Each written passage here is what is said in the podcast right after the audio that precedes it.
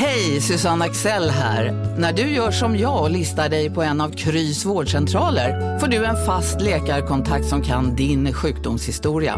Du får träffa erfarna specialister, tillgång till lättakuten och så kan du chatta med vårdpersonalen. Så gör ditt viktigaste val idag, lista dig hos Kry. Som medlem hos Circle K är livet längs vägen extra bra. Just nu får du som ansluter dig 50 öre rabatt per liter på de tre första tankningarna och halva priset på en valfri biltvätt. Och ju mer du tankar, desto bättre rabatter får du. Välkommen till Circle K. Välkommen till Maccafé på utvalda McDonalds restauranger med Baristakaffe till rimligt pris. Vad sägs om en latte eller cappuccino för bara 35 kronor? Alltid gjorda av våra utbildade baristor. När jag säger nyckelroman menar liksom skolboksdefinitionen. Det vill säga att det ligger en fiktiv hinna över någonting alla i övrigt igenkänner som verklighet. Men den här hinnan i det här fallet är liksom, den är genomskinlig. Det är sån här plastfilm man sätter över mat innan man ställer in det i kylskåpet. Lite som att ta på sig genusglasögonen. Nu är det för många metaforer på en gång. Jag, vet, jag försökte bara hitta något alternativ till den där hin-metaforen som jag blev lite illa berörd av, av oklar. Och då tog du fram genusglasögonen. Var det för att du tänker att du har så här mödomshinnan som association på hinna? Ja, så Det var det jag oj, tänkte oj, också. nu är Jag det tänkte bästa. hon är gravid, tänkte jag. Nu, nu, Nu tar gästabudet på sig genusglasögonen. nu.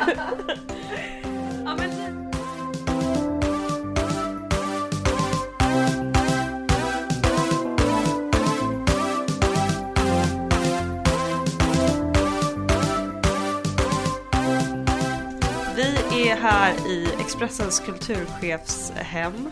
Första dagen på hans Måste vi, nya kan vi inte bara säga Victor Malm? Ja, alla vet ändå. Och eh, vi har samlat hela gästabudet plus Ulrika Knutsson som är här och tar intryck och skriver olika hemska saker om oss i sitt anteckningsblock för den mysiga litteraturtidningen vi läser. Och vi som är här annars heter Uh, Mikaela Blomqvist. Rebecka Tjärde. Victor Malm. Olivia Ekström Lindbäck. Eh, och vi är här för att prata om nyckelromanen. Ja, men just nu är vi här för att öppna en champagne till Victor Malms ära. Just det.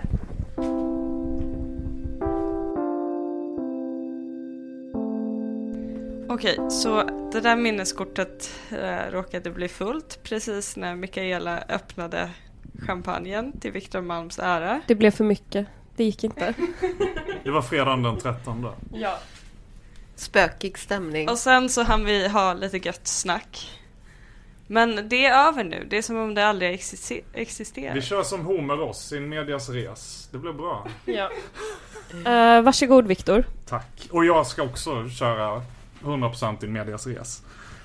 Ehm, Ja, men ska vi- vi tycker ändå vi borde ta en skål för Ja, Victor. vi tar en Ja, liten ja. skål. Ulrika. Uh, Skål! Skål för Victor Malm. Skål för Victor Malm. hipp hurra hurra Skål hurra. för Kristianstad. Ja, Kristianstads stolthet. Det måste ändå vara du nu, eller? Eller bara ni. nej, verkligen inte. Det är Marcus Alm. Som spelar i landslaget. va? Nej, han hoppade av landslaget men han hade en extremt framgångsrik karriär som handbollsspelare i Kiel.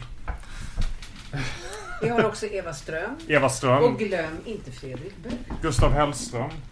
En, en son av stan, Birgitta Trotzig. Det, vi har många stoltheter. Men det är ju helt sjukt när man tänker efter. Ja. Kristianstad. Vi försöker också claima Hjalmar Söderberg för att han tillbringar en sommar där. Men det, det, Han längtade hem.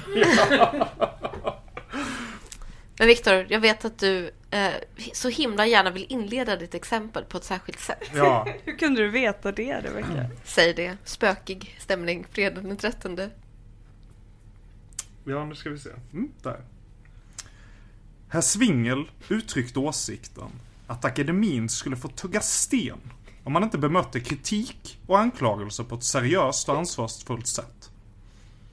Herr Styvrepe genmälde då. Jag älskar att tugga sten.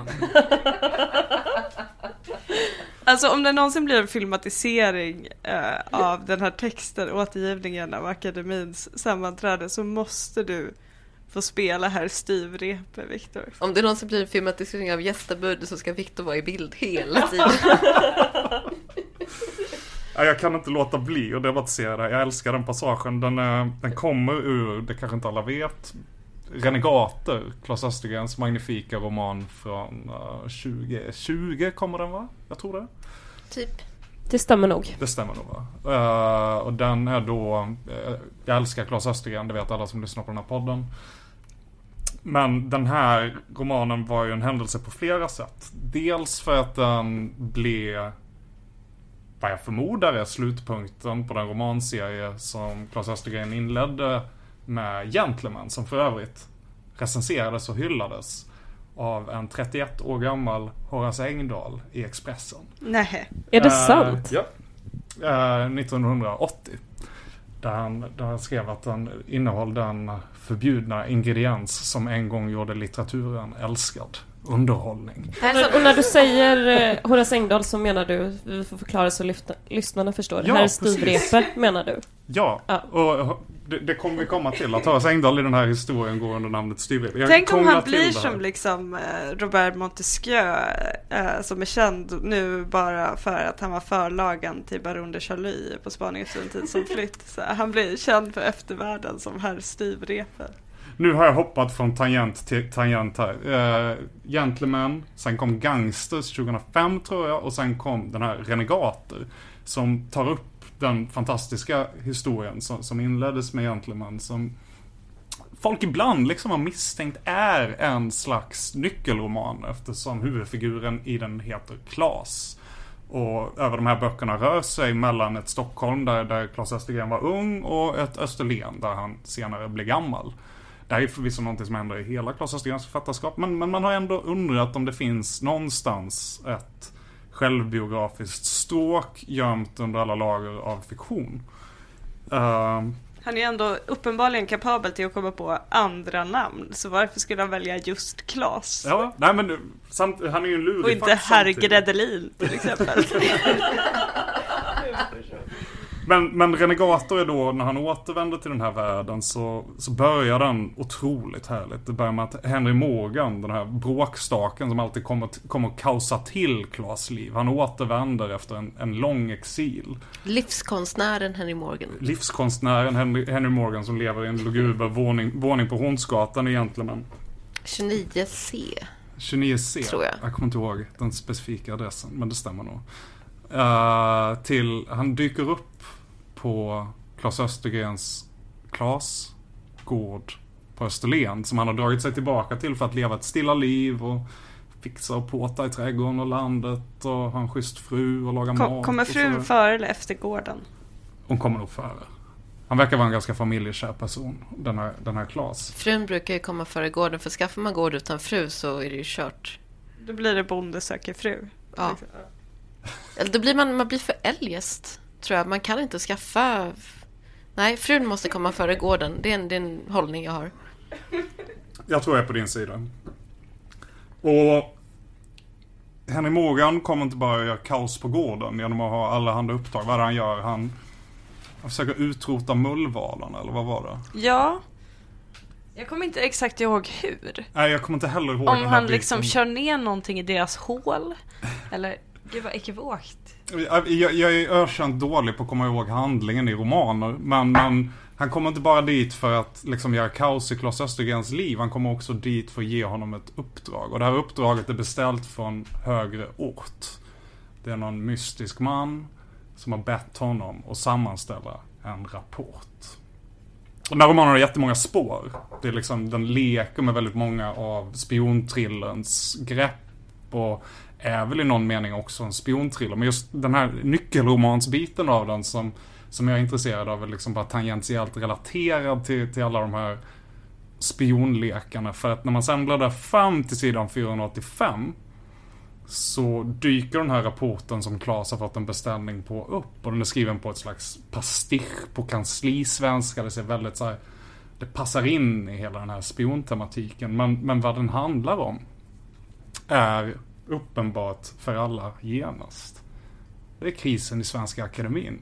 Det vill säga någonting som alla som väljer att öppna Renegater av Claes Östergren 2020 är fullt införstådda med att författaren, inte figuren Klas, genomlevde. Åtminstone är det, är det så det verkar. Men, men den använder några grepp för att för att ändå lägga ett nyckelromansraster över det här skeendet. Vilket, när jag säger nyckelroman menar liksom skolboksdefinitionen. Det vill säga att det ligger en fiktiv hinna över någonting alla i övrigt igenkänner som verklighet. Men den här hinnan i det här fallet är liksom, den är genomskinlig. Det är sån här plastfilm man sätter över mat innan man ställer in det i kylskåpet. Lite som att ta på sig genusglasögonen. Nu är det för många metaforer på Ja. en gång. Jag, vet, jag försökte bara hitta något alternativ till den där hin-metaforen som jag blev lite illa berörd av, av oklar. Och då tog du fram genusglasögonen. Var det för att du tänker att du har så här mödoms- mödomshinnan som association på hinna? Ja, så Det var det jag oj, tänkte oj, nu är det Jag tänkte bästa. hon är gravid, tänkte jag. Nu, nu, Nu tar gästabudet på sig genusglasögonen. nu. Ja men lite som om vi ska bygga ut den där mödomshinne-metaforen av, eh, jag kan inte ens skylla på att jag har druckit någon alkohol, men eh, att, det, att det får liksom verkligheten att framträda i ett oskuldsfullt raster. Som om man liksom inte på allvar har gjort någonting med verkligheten. Utan bara, Man är intakt fortfarande. Ja, men Det är ju nyckelromanen, alltså det fin- finns... När jag läste på om den så var det olika ja, men definitioner av vad ordet kom från. För då menar de eh, på vissa ställen att det handlar liksom om att man ser eh, som genom ett nyckelhål. Som att man tjuvkikar på något genom ett nyckelhål.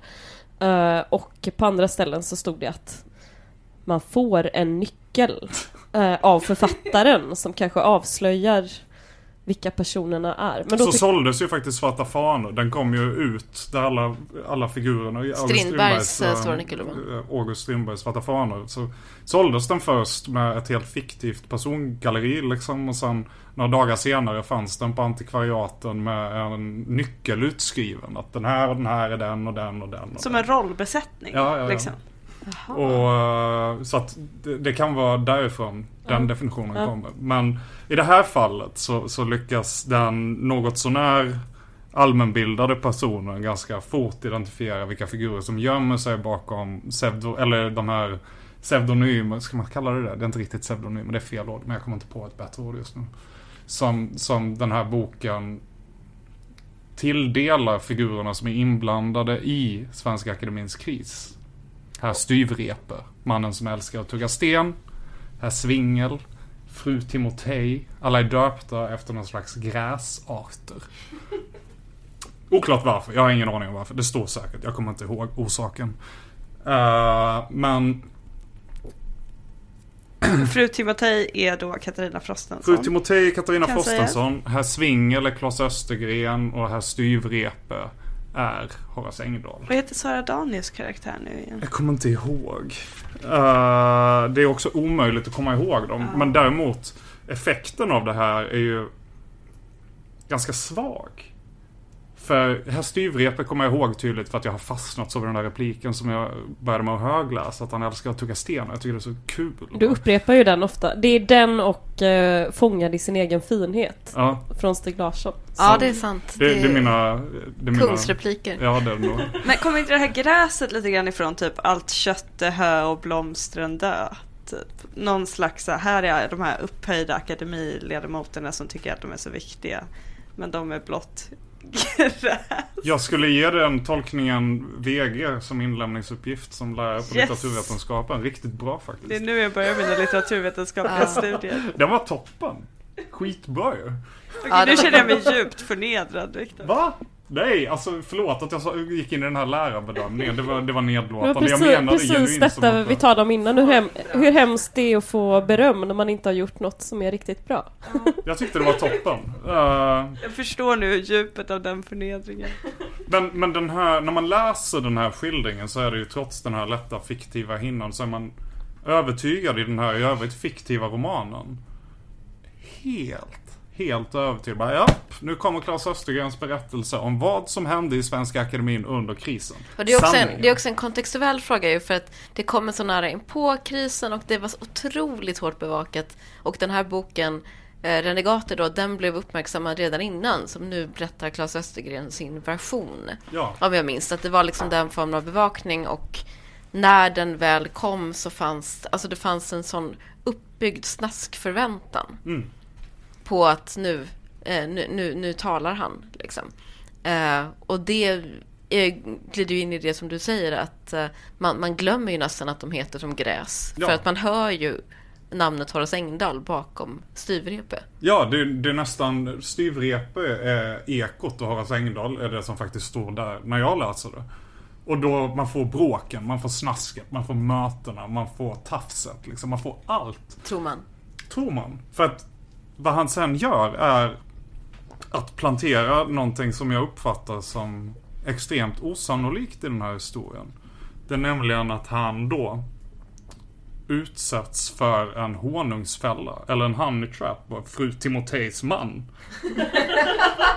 Och här tycker jag att vi håller oss till pseudonymen för att jag, även om, även om alla som läste den här tror jag då, tog det här för en sann historia. För Så- alla var ju beredda att tro vad som helst om Jean-Claude Arnault som handlade om sex. Ja, och det kanske är sant. Fan vet jag. Men jag väljer mig att förhålla till, till de fiktiva namnen här för jag har ingen aning. Jag kan inte bekräfta detta. Anklagelsen är ju ganska rejäl. Och den, den går i princip ut på då att när herr Svingel är uppe i sin övernattningslägenhet i Stockholm för att gå på akademins sammanträde. Så börjar han få sms av någon brud som vill ligga med honom. Han får ganska många sms av henne. Fler och fler. Och han börjar kolla upp henne. Och hon visar sig vara en ganska snygg tjej som typ bor lite utanför Stockholm. Och vad var det du sa Mikaela? Uh, eh, nej. men, Att hon föreslår... ja men precis, men det blir så buskis. Men Det är ju buskis. eh, att hon, hon föreslår, efter att hon har fått nej flera gånger så föreslår hon eh, eh, en trekant med Klas fru. Mm. Och, eller Herr nej, Svingels. herr Svingels fru blir det ju då. Herr Svingels fru. Och eh, då skriver han också då på den här kanslisvenskan något i stil med eh, Och för ordningens skull frågade jag min fru. Och, och, och hela den här passagen som då beskriver hur fru, fru Timoteis man uh, gillrar en, sött, en fälla av sötma, en fälla av honung för att liksom fånga den här personen som inte är på fru Timoteis sida i striden om akademin i en otillbörlig situation. För att han på så sätt ska kunna han, ska förlora sin trovärdighet eller, eller liksom backa på premissen eller kanske till och med byta sida. Den, den känns ju som hämtad från en stereotyp spionroman. Det borde man vara medveten om när man läser det. För att man vet att Claes Östergren har översatt John le Carré. Han är en stor John le Carré-läsare. Och, och det känns, känns som en klyscha. Kanske inte ens hämtad från le Carré. För händer det där i le Carré? Men det är Nej, Typiskt för, Claes som jag, för som jag minns det så är det också att det händer det händer i le Carré. Eh, för som jag minns det så är det att det händer långt innan själva krisen. Och att det är flera, han minns, i och med krisen så minns han det här som har hänt Ah, så flera kan- år tillbaka i tiden. Jag är inte helt säker men jag tror att det är så. Men det är väldigt intressant man tänker på det här nyckelaspekten. Alltså man skulle ju kunna se det just för att det är så motivet är så barockt och det harmonierar så väl med Klas Östergrens um, den liksom genre som han ofta spelar mot. Det skulle kunna hända i vilken Klas Östergren-roman som helst i princip, liksom att någon gillar en honey trap. Ehm, så skulle man kunna tänka att det här är en nyckel som tydligt signalerar till läsaren att detta är fiktion. Bara så att du påminner dig själv om det.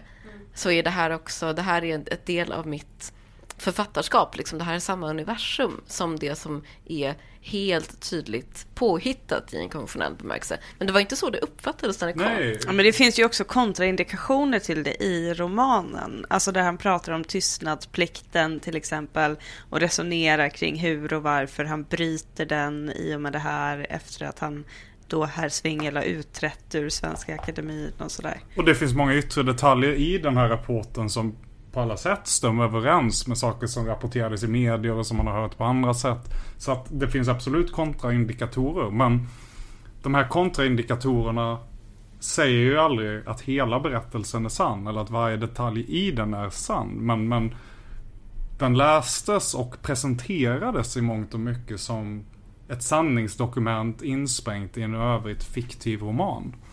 Och jag minns bara för att jag var med i en, en dokumentär som, som jag också har kritiserat och som Ulrika Knutsson också har kritiserat med, med, med all rätt. Uh, där, där jag blev ombedd att, att återge den här scenen som Ulrika att den, Knutsson skrattar och gömmer ansiktet i händerna lite grann. Nej, nej. den, den, den handlade om Svenska Akademin och då blev jag av producenterna ombedd att återge den här berättelsen som den här berättelsen om honungsfällan som, som en sanning om vilket jag, vilket jag inte gjorde utan jag la till några fiktiva klamrar. Men det var först när jag fick den frågan som jag började fundera på det här. Alltså vad har egentligen den här passagen som ser ut som en nyckelroman inkastad i en övrigt fiktiv roman egentligen för sanningsstatus?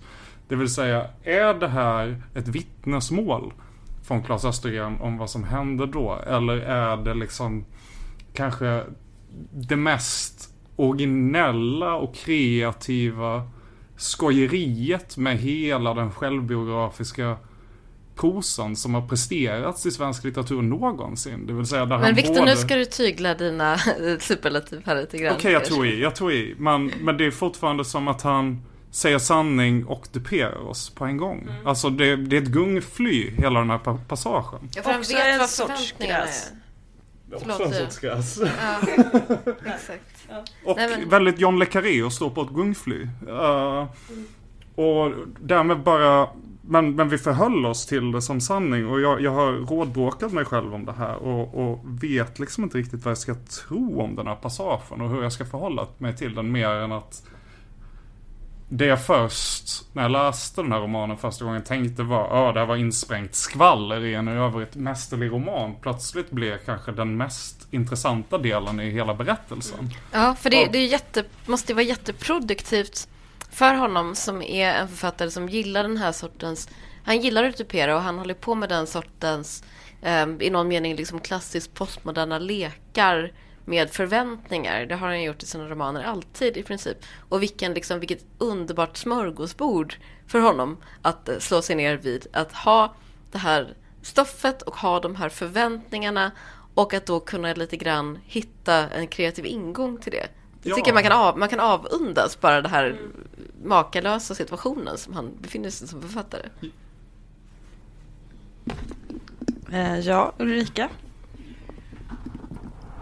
Jag tror att hela den här passagen med eh, gräsen och sädeskornen, vad heter det, sädes... Slagen. Vad heter det, sädesaxeln i Svenska Akademin och hela den här historien om honungsfällan. Eh, det kräver verkligen Claes Östergrens hantverksskicklighet. För han är, han är en av, av svensk prosas bästa på att skriva sådana här underhållande, där hade Horace Engdahl rätt. Eh, med det, det, det, djupt mänskliga i det, det är liksom atmosfärerna och melankolin och i det här fallet att det rör sig om så många åldrade människor som ser tillbaka på sitt solkiga liv och sin Sveriges solkiga historia. Och hela den här eh, akademikrisen, den speglas ju också i en annan solkig kris som hade att göra med PR-nissar som åkte till Sydafrika med Socialdemokraterna och en misslyckad PR-byrå. Eh, och och då, då är det så här att han lägger ju ut en, de, en hel del gestalter som man nog kan känna igen från akademitiden. Fast han lägger ut dem i helt andra figurer som springer omkring i romanen och verkligen inte är dugg nyckelromaner utan ser helt fiktiva ut. Men att det kan hända mycket mera vad ska jag säga, realistiska saker utanför den här stiliserade sädesaxpassagerna med Styvrepe och Timotej och Grö och allt vad de heter. Eh, men hela den här idén om honungsfällan den är just så absurd och barock så att den är typisk Claes Östergren. Men den leker också med mediala troper som var i svang vid den här tiden. Så att det är meningen att läsaren ska sitta alldeles förvirrad vid två två hötappar och stirra fram och tillbaka. Och det är, det är väl etiskt lite tveksamt. Men det är så underhållande gjort så att han rodde hem det. Det, det är min teori. Ja, han Ja. kan inte heller missa den chansen tänker jag. När han, alltså han måste nästan springa på den här bollen. Ja men det, och, men, men det avslöjar kanske också någonting om vårt liksom läsmodus. Att så fort någonting handlar om verkligheten. I liksom all överenskommen mening om vad verkligheten är så är vi beredda att köpa varje ord. Alltså hur fantastiskt det än är. Här har vi en mycket bra brygga över till mitt exempel. Som är eh, Stina Aronssons eh, Feberboken. Som jag tror vi kanske har nämnt i gästbudet tidigare. Jag vet jag och Mikaela har pratat om den. I alla fall. Har ni, har ni andra läst den? Inte jag. Det är Stina Aronsson, alltså hon eh, är väl född eh, 19, 1892 eh, och den här kom 1931 om jag inte missminner mig. Eh, då hade hon gett ut några stycken romaner men var nog ganska otillfredsställd som skapande varelse tror jag. Hon levde i ett ganska deppigt äktenskap och jag tror inte riktigt att hon kände att hon eh, kom till sin rätta. Men eh, Stina Aronsson upptäcker Artur Lundqvist, eh, poeten Artur Lundqvist, när han debuterar eh, 22 år gammal, 1928. Hon läser hans debutsamling och hon blir väldigt, väldigt gripen av den. För han är då liksom... Eh, han är väl en, en tidig svensk ärkemodernist skulle man kunna säga. Liksom. Han eh, är väldigt nära den här liksom, ofta franskinspirerade primitivismen. Ett sånt liksom, anticivilisatoriskt, väldigt eh, vitalistiskt skrivsätt. Så. Hon läser honom och hon ser någon slags själsfrände.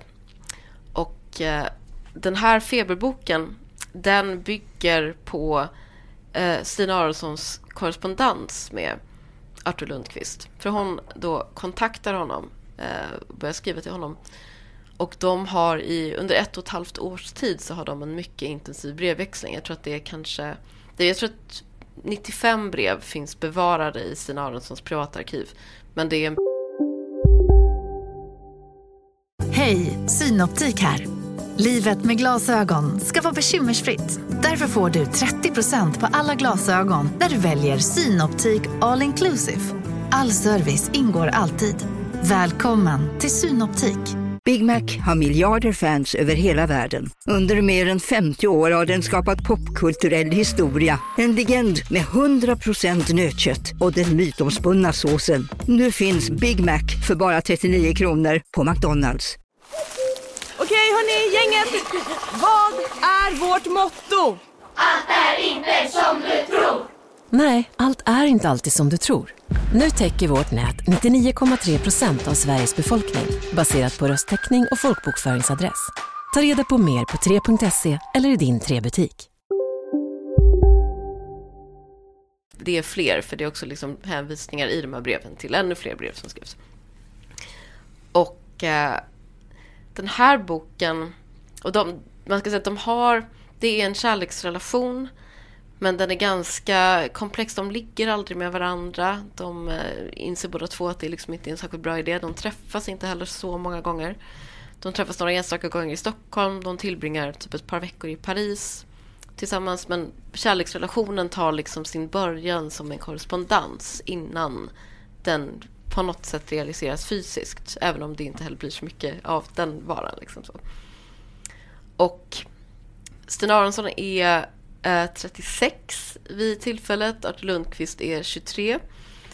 Eh, Ja, exakt lite den känslan va, Ulrika. Att, eh, eh, det, det som händer är ju då ändå att den här unga debutanten börjar få mycket, mycket lidelsefulla brev från en eh, medelålders kvinna som är fast i ett olyckligt äktenskap där hon ganska tidigt börjar skriva liksom att hon älskar honom och så vidare. Det är väldigt... Eh, det, är, det är ganska intensivt, liksom, ser man när man kollar på den verkliga korrespondensen. Mellan, Febrigt.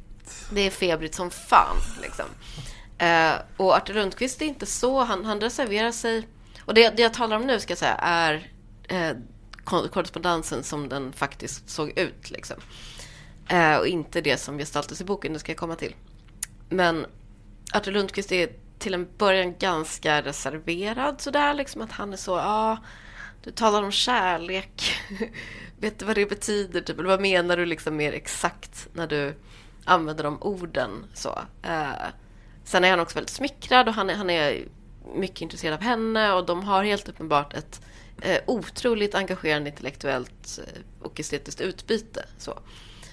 Och sen så utvecklas det här till en ömsesidig romantisk relation och han skriver till henne som liksom min älskade och så vidare. Och sen verkar det som att eller de ses och då intensifieras den här passionen från bådas håll. Sen ebbar den ut lite grann och eh, det känns som att det är ett ganska liksom gemensamt avståndstagande. Men framför allt så är det till slut så att Artur Lundqvist avbryter med hänvisning till att hon ju är gift och han tycker inte liksom att det känns moraliskt riktigt. Sen vet man inte vad som exakt har hänt mellan dem när de väl har setts, man, sådär naturligtvis. Men, men eh, eh, han, åtminstone är det så i breven som han argumenterar för det. Liksom.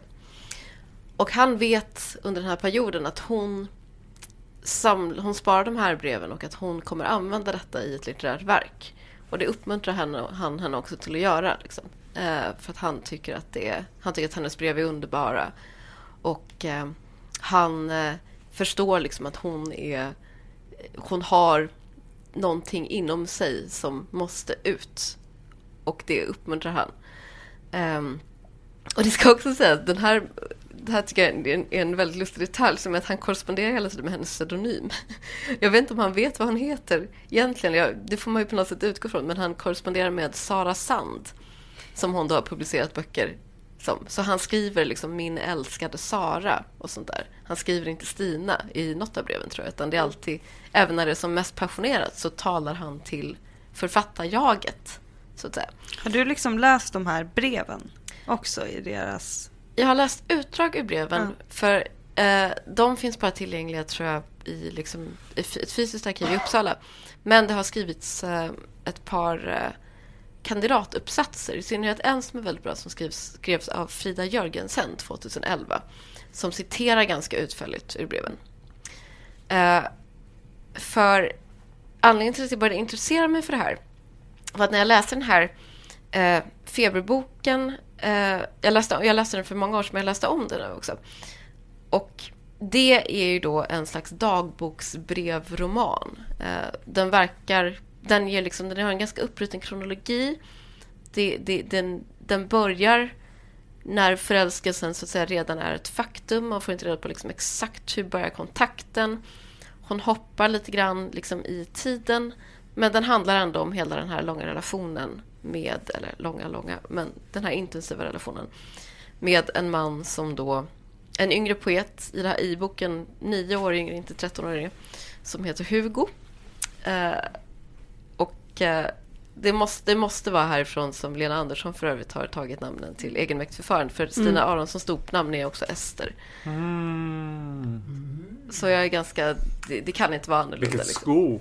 Ja, nej men det måste, det måste ju vara så. Damn, Aldrig tänkt på. Ja, nej, men det jag är helt övertygad om det. För eh, det är väldigt likt i det att Hugo i romanen är mycket mer distanserad än vad Artur Lundqvist verkar vara i de här breven. Att han, han är smickrad och han liksom uppvaktar henne tillbaka men han är ganska kall. Och det här är... Feberboken är väldigt tydligt en bok om en olycklig förälskelse. Hon är hela tiden den som vill mer. Och Hugo har också en annan. Eh, och det är jag inte 100% säker på att Artur Lundqvist hade, för det är ju framför allt var det Stina Aronsson som var gift.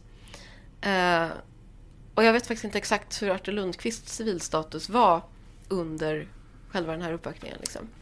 Skildrar inte Jesper Högström honom i Jag ville skriva sant som en ungkarl? Jag vet, jag har inte läst den. Ja, men med många förbindelser. Många förbindelser. Ja. Ste- Det kan jag mycket väl liksom. tänka mig att Ja. han hade. Precis. Eh, för hon, det här redan på första sidan i den här boken så berättar jag till Mimmi eh, i Feberboken. Så skriver hon så här. Jag älskar honom. Vore jag ett träd så vore det suset i min krona. Jag älskar honom, men han älskar en annan.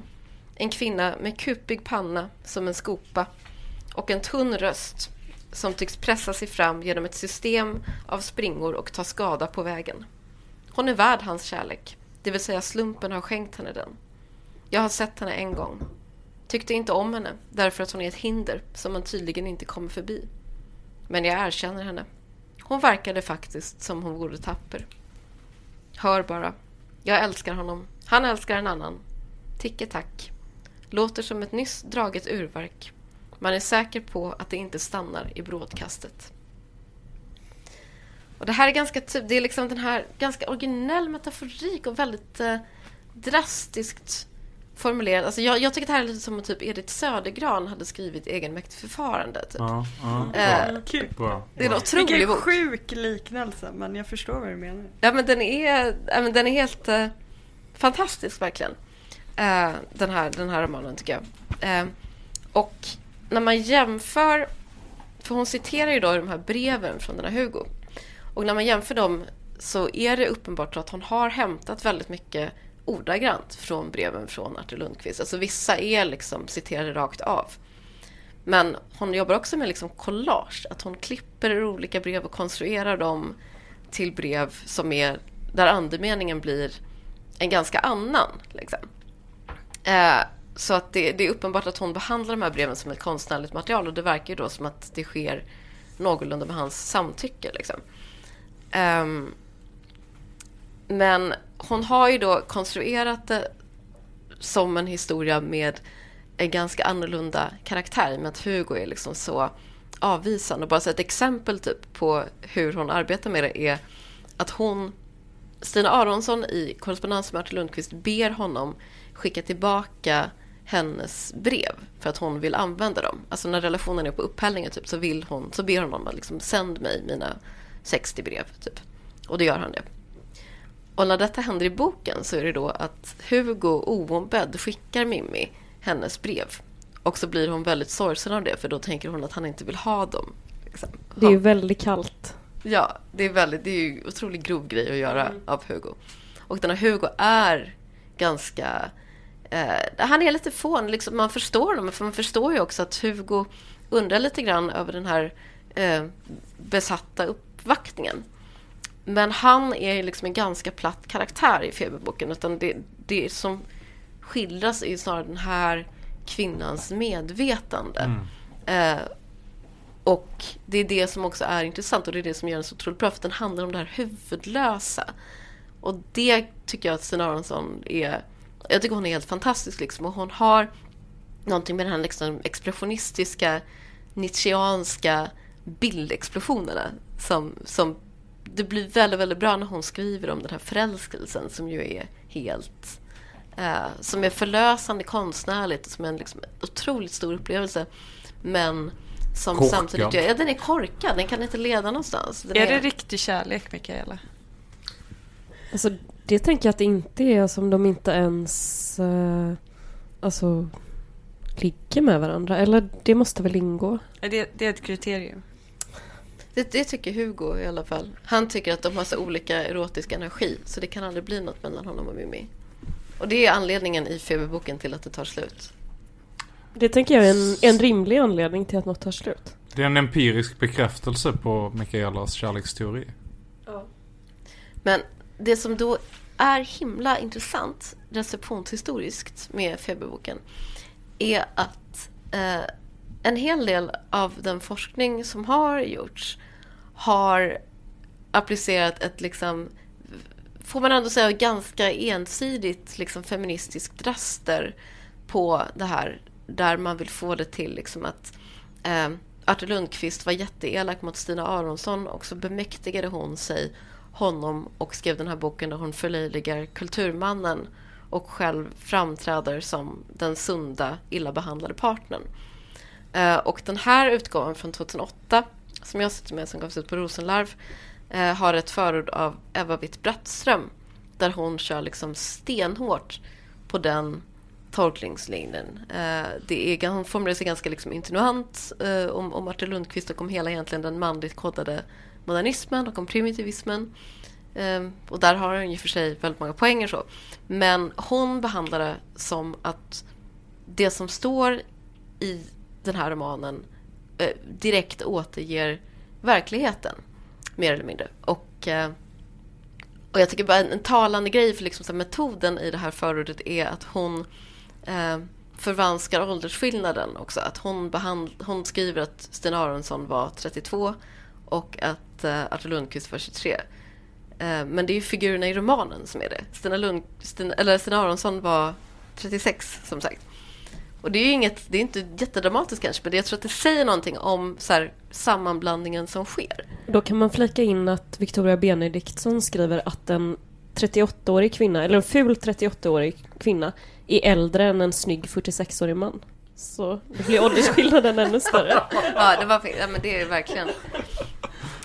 Uh, och uh, det som Ebba Witt-Brattström argumenterar för det här förut då, som jag tror, för, för den här boken fick verkligen ett uppsving när den kom i den här nyutgåvan. Och det är också ett förord, det är inte ett efterord. Alltså det bestämmer ju läsningen mm. väldigt, väldigt mycket. Liksom. Uh, hon menar då att det som händer litterärt är att Stina Aronsson medvetet, hon ska mimetiskt parodierar hela primitivismens eh, språkbruk och Artur Lundqvists poesi gör den till sin egen och att liksom det konstnärliga det förlösande konstnärliga för Stina Aronsson, författaren Stina Aronsson, liksom är att hon går in i det språket, förkastar det och tar sig förbi det. Typ. Det låter ju som ett väldigt intressant argument. Ja, det är ett intressant argument, men jag tycker verkligen inte att det stämmer. Uh, för jag tycker att Stina Aronsson, hon lägger sig väldigt nära uh, det språket och det är liksom uh, enormt intressant men hon tar ju inte på något sätt avstånd från det utan jag ser det som, alltså både i romanen och i korrespondensen som att det sker ett konstnärligt utbyte som ändå är rätt så jämlikt och väldigt fruktbart för båda två. Det är kanske inte ens en fråga om makt. Jag tror inte att det riktigt sätt. är en mm. fråga om makt. Och jag tror att det stämmer absolut inte. Um, som Ebba Witt-Brattström skriver förut att Aronsson, citat, medvetet dekonstruerar hans stelnade könsklichéer. För det är väldigt mycket så att hon skriver så om eh, Mimmi talar om Hugo som så här, han är säd, han är en gud. Hon vill att Hugo ska ha makt över henne. Och Stina Aronsson var också eh, alltså tidstypiskt tror jag att hon hade en sån ganska liksom poolbetonad syn på könen. Att eh, eh, kvinnor hade vissa egenskaper, män hade andra egenskaper. De var, skulle vara formellt jämställda. De var lika bra, så att säga, men de var olika.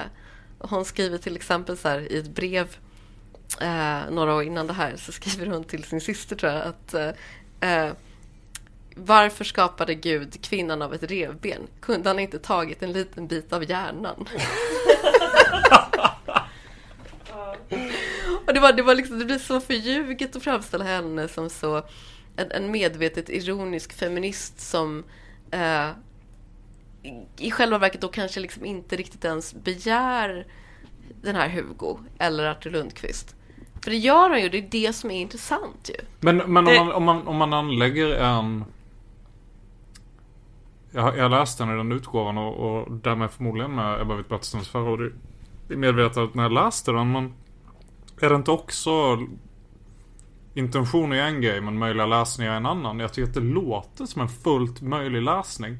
Och det är möjligen också för att det finns inget utrymme för att tolka, tolka in ironi när Artur Lundqvist skriver ordet sad. Men det är inte Artur Lundqvist, det är Scenario Nej, nej, nej, nej. Men i den här romanen och i de, den bilden du precis nämnde. Så tänker jag att det faktiskt finns en möjlighet att höra ett uns sarkasm där i. Alltså, och att, att det ligger i det där argumentet liksom. Att det finns, finns någonting i att den tar primitivismens språk och, och det behöver inte ens vara menat. Men att det är en konsekvens av hur det är skrivet som får den att i någon mening överskrida det här, upplever jag. Jag gillar inte Atte Lundqvist överhuvudtaget. Uh, Nej, han är en råkar, jättemycket uh, sämre författare än Sten Aronsson. Ja, han, han har åldrats dåligt. Att det är liksom att, att någonting i hennes stil liksom överskrider det banala i primitivismen. Men jag, jag, tror att det, jag tror att det, ja precis, för jag håller med. Men jag tror att det är det begreppet parodierande som jag vänder mig mot. Ja, okej. Ja. För jag håller med, för det är klart att hon tillägnar sig hans språk på många sätt. Och jag håller med om det här överskridandet, att det sker någonting som gör att hon kommer förbi det på något sätt. Men det finns inget element av parodi. Ja, okej. Det låter inte heller ja, som att, eh, nu har inte jag läst boken, men på, på din beskrivning så låter det inte alls heller som att hon dekonstruerar någonting.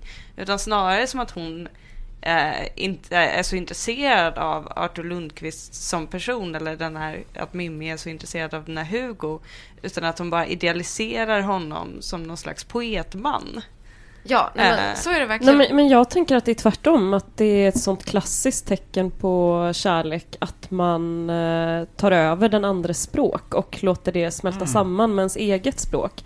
Och eh, att den andra kanske också gör detsamma och så liksom får man något gemensamt språk som eh, Framförallt om man skriver mycket brev till varandra. Och, Det håller jag absolut med om. Så Eh, nu är det här plötsligt kärlek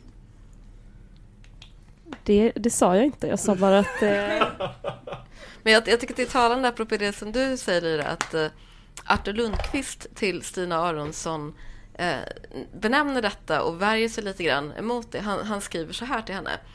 Eh, du filosoferar vackert med mig som objekt. Det kommer för mig att du älskar på ett mycket egenartat sätt. Mycket Sara Sanskt. Man blir så stor i din spegel, man känner inte igen sig själv. Han känner sig objektifierad helt Han enkelt. känner sig objektifierad. Stackarn. Han är, liksom, han, är så, han är så liten också. Alla älskar inte att bli objektifierade som du, Viktor. Men det här är ju väldigt spännande citat. Jag har inte läst Feberboken men jag tänker inte vänta många dagar. Nej men det hoppas alltså det är så otroligt eh, bra. Och sen, ja, för jag, jag tyckte att jag hade en väldig behållning av att läsa den nu och sen samtidigt kolla på den här korrespondensen. Det kan jag rekommendera alla att göra. Alltså. Men också, känns- också att den här... Alltså jag måste läsa om den nu också. Jag känner precis likadant som Ulrika. För att din kritik mot Ebba Witt-Brattströms förord öppnar också en så bara intressant litteraturhistorisk fråga. För den är ju, den, när är den här från? 40? 31. 31. Så det skulle är vara, jättetidig. Eh, det skulle vara väldigt sen primitivism. Men det är också, ah, det, det var någonting som jag inte riktigt kan greppa vad jag är intresserad av här. Men det, det handlar om något så stilistiskt överskridande av en stelnad modernistisk form. Som, för jag minns det som att det är en bok som fortfarande inte bara är läsbar utan skrivbar. Det finns någonting i Stina Aronssons sätt att uttrycka sig som lever. Oh ja. Medan oh ja. Arthur, Jung, Arthur Lundqvist är död. I alla fall framför mina ögon. Och sådana... Trots att deras stil ändå påminner om varandra. Och i, han var väl väldigt viktig som eh, introduktör av spansk och litteratur i Sverige. Ja. Och, och, men han var ju också en viktig poet. Ja. Det var han ju. Men han är ju, alltså en, en anledning till att Artur Lundqvist är så svårläst är ju hans eh, ehm, rasism så att säga. Som, som ju är den där formen av rasism med att han eh, älskar den andra på, på ett väldigt svårsmält sätt. Alltså det är en, en ordet hit och dit och det är mycket olika föreställningar om hur svarta människor är och om rytmen i blodet, hela den grejen. Som ju han skriver ganska utförligt om i olika förord till... Jag läste något förord som han skrev till en utgåva av Aimé Césaire som jag tror att han översatte som var så fullständigt Uh, ja, men olika spekulationer om pigmenthalt och vad det kunde få för konsekvenser för lyriken och sånt. Nu har vi till inpass från publiken här i vårt livepodd-version av gästabudet. Eh, Det, det, det är ju just den här flagranta rasismen som ändå inte den är inte Arthur Lundqvists. Den är tidens, det Oh ja, tidiga absolut. 30-talet. Och där man alltså ex, både exotiserar den svarte mannen och den svarta kvinnan och vill lyfta att de lever i ett socialt förtryck och, och frigör sig. Så att det, det, det är väldigt mycket tiden som har, och stackars Arthur som, och där kommer vi in på hans speciella egenskaper, att han är så bombastisk. det går liksom inte att klippa bort den här lite dumma emfasen utan den syns så mycket. I, i, och det gäller ju inte bara detta med rasismen utan här kommer hans kvinnobilder in också. Och där Oh, har ju Ebba Witt-Brattström alldeles rätt. Hon har ju gett honom på moppo eh, när hon har skrivit om Moa Martinsson och sådär. Och det finns ju ingen som viftar med körtlarna som, som, eh, som Arthur.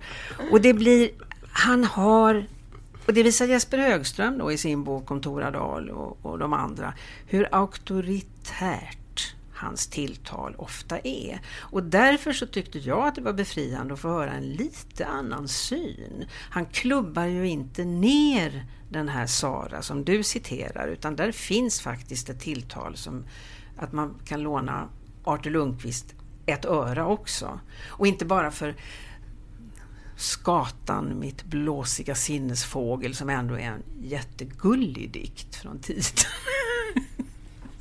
Ja men precis, för det, det är det som är så intressant. Att så här, jag förstår hur, när man har mött Artur Lundqvist som poet och som offentlig gestalt, som introduktör, via alla, via alla andra sammanhang som är en beredd att tro så hemska saker om honom. Eh, för att man också har stött på hans rätt groteska kvinnoskildringar liksom, i, i poesin.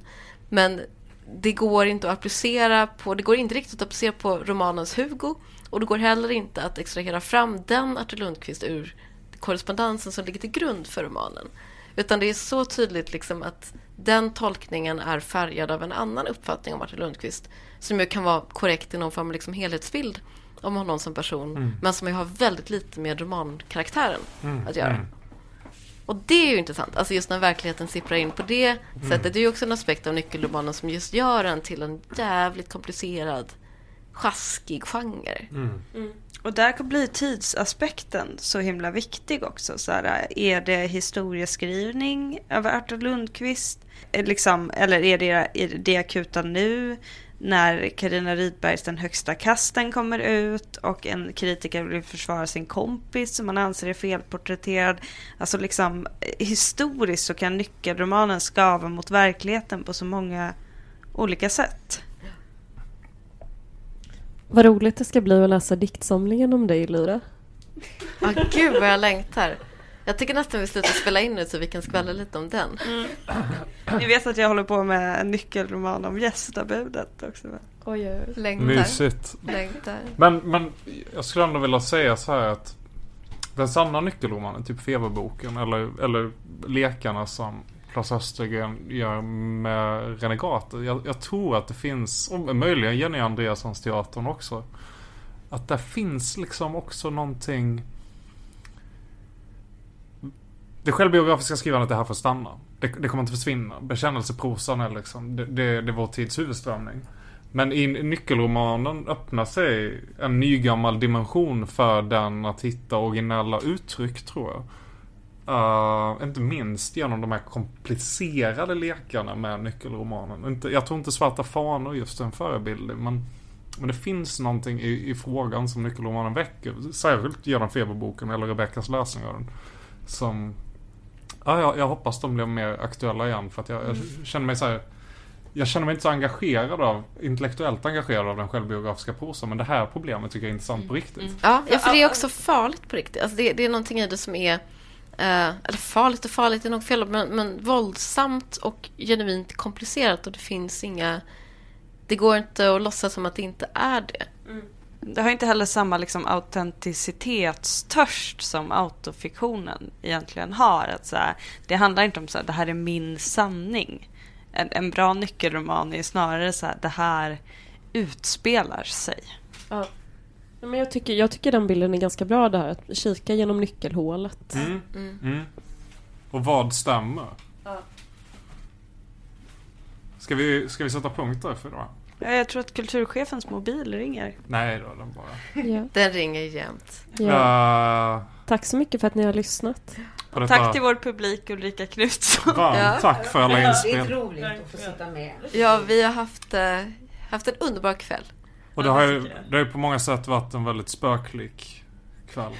Med många hemskheter som lurar i hörnen. Nu är det ganska mörkt här i rummet och så har vi tända ljus och så spelar liksom skuggorna över väggen på ett spöklikt sätt. Och Mikaela Blomqvist ser mer än annars ut som en Disney-skurk. Grattis på internationella kvinnodagen Mikaela Blomqvist. Tack för att ni har lyssnat på Gästabudet. Tack för att ni har lyssnat. Det här var det femtonde avsnittet av Gästabudet tema nyckelroman. På återseende från eh, Expressen Kulturs innersta.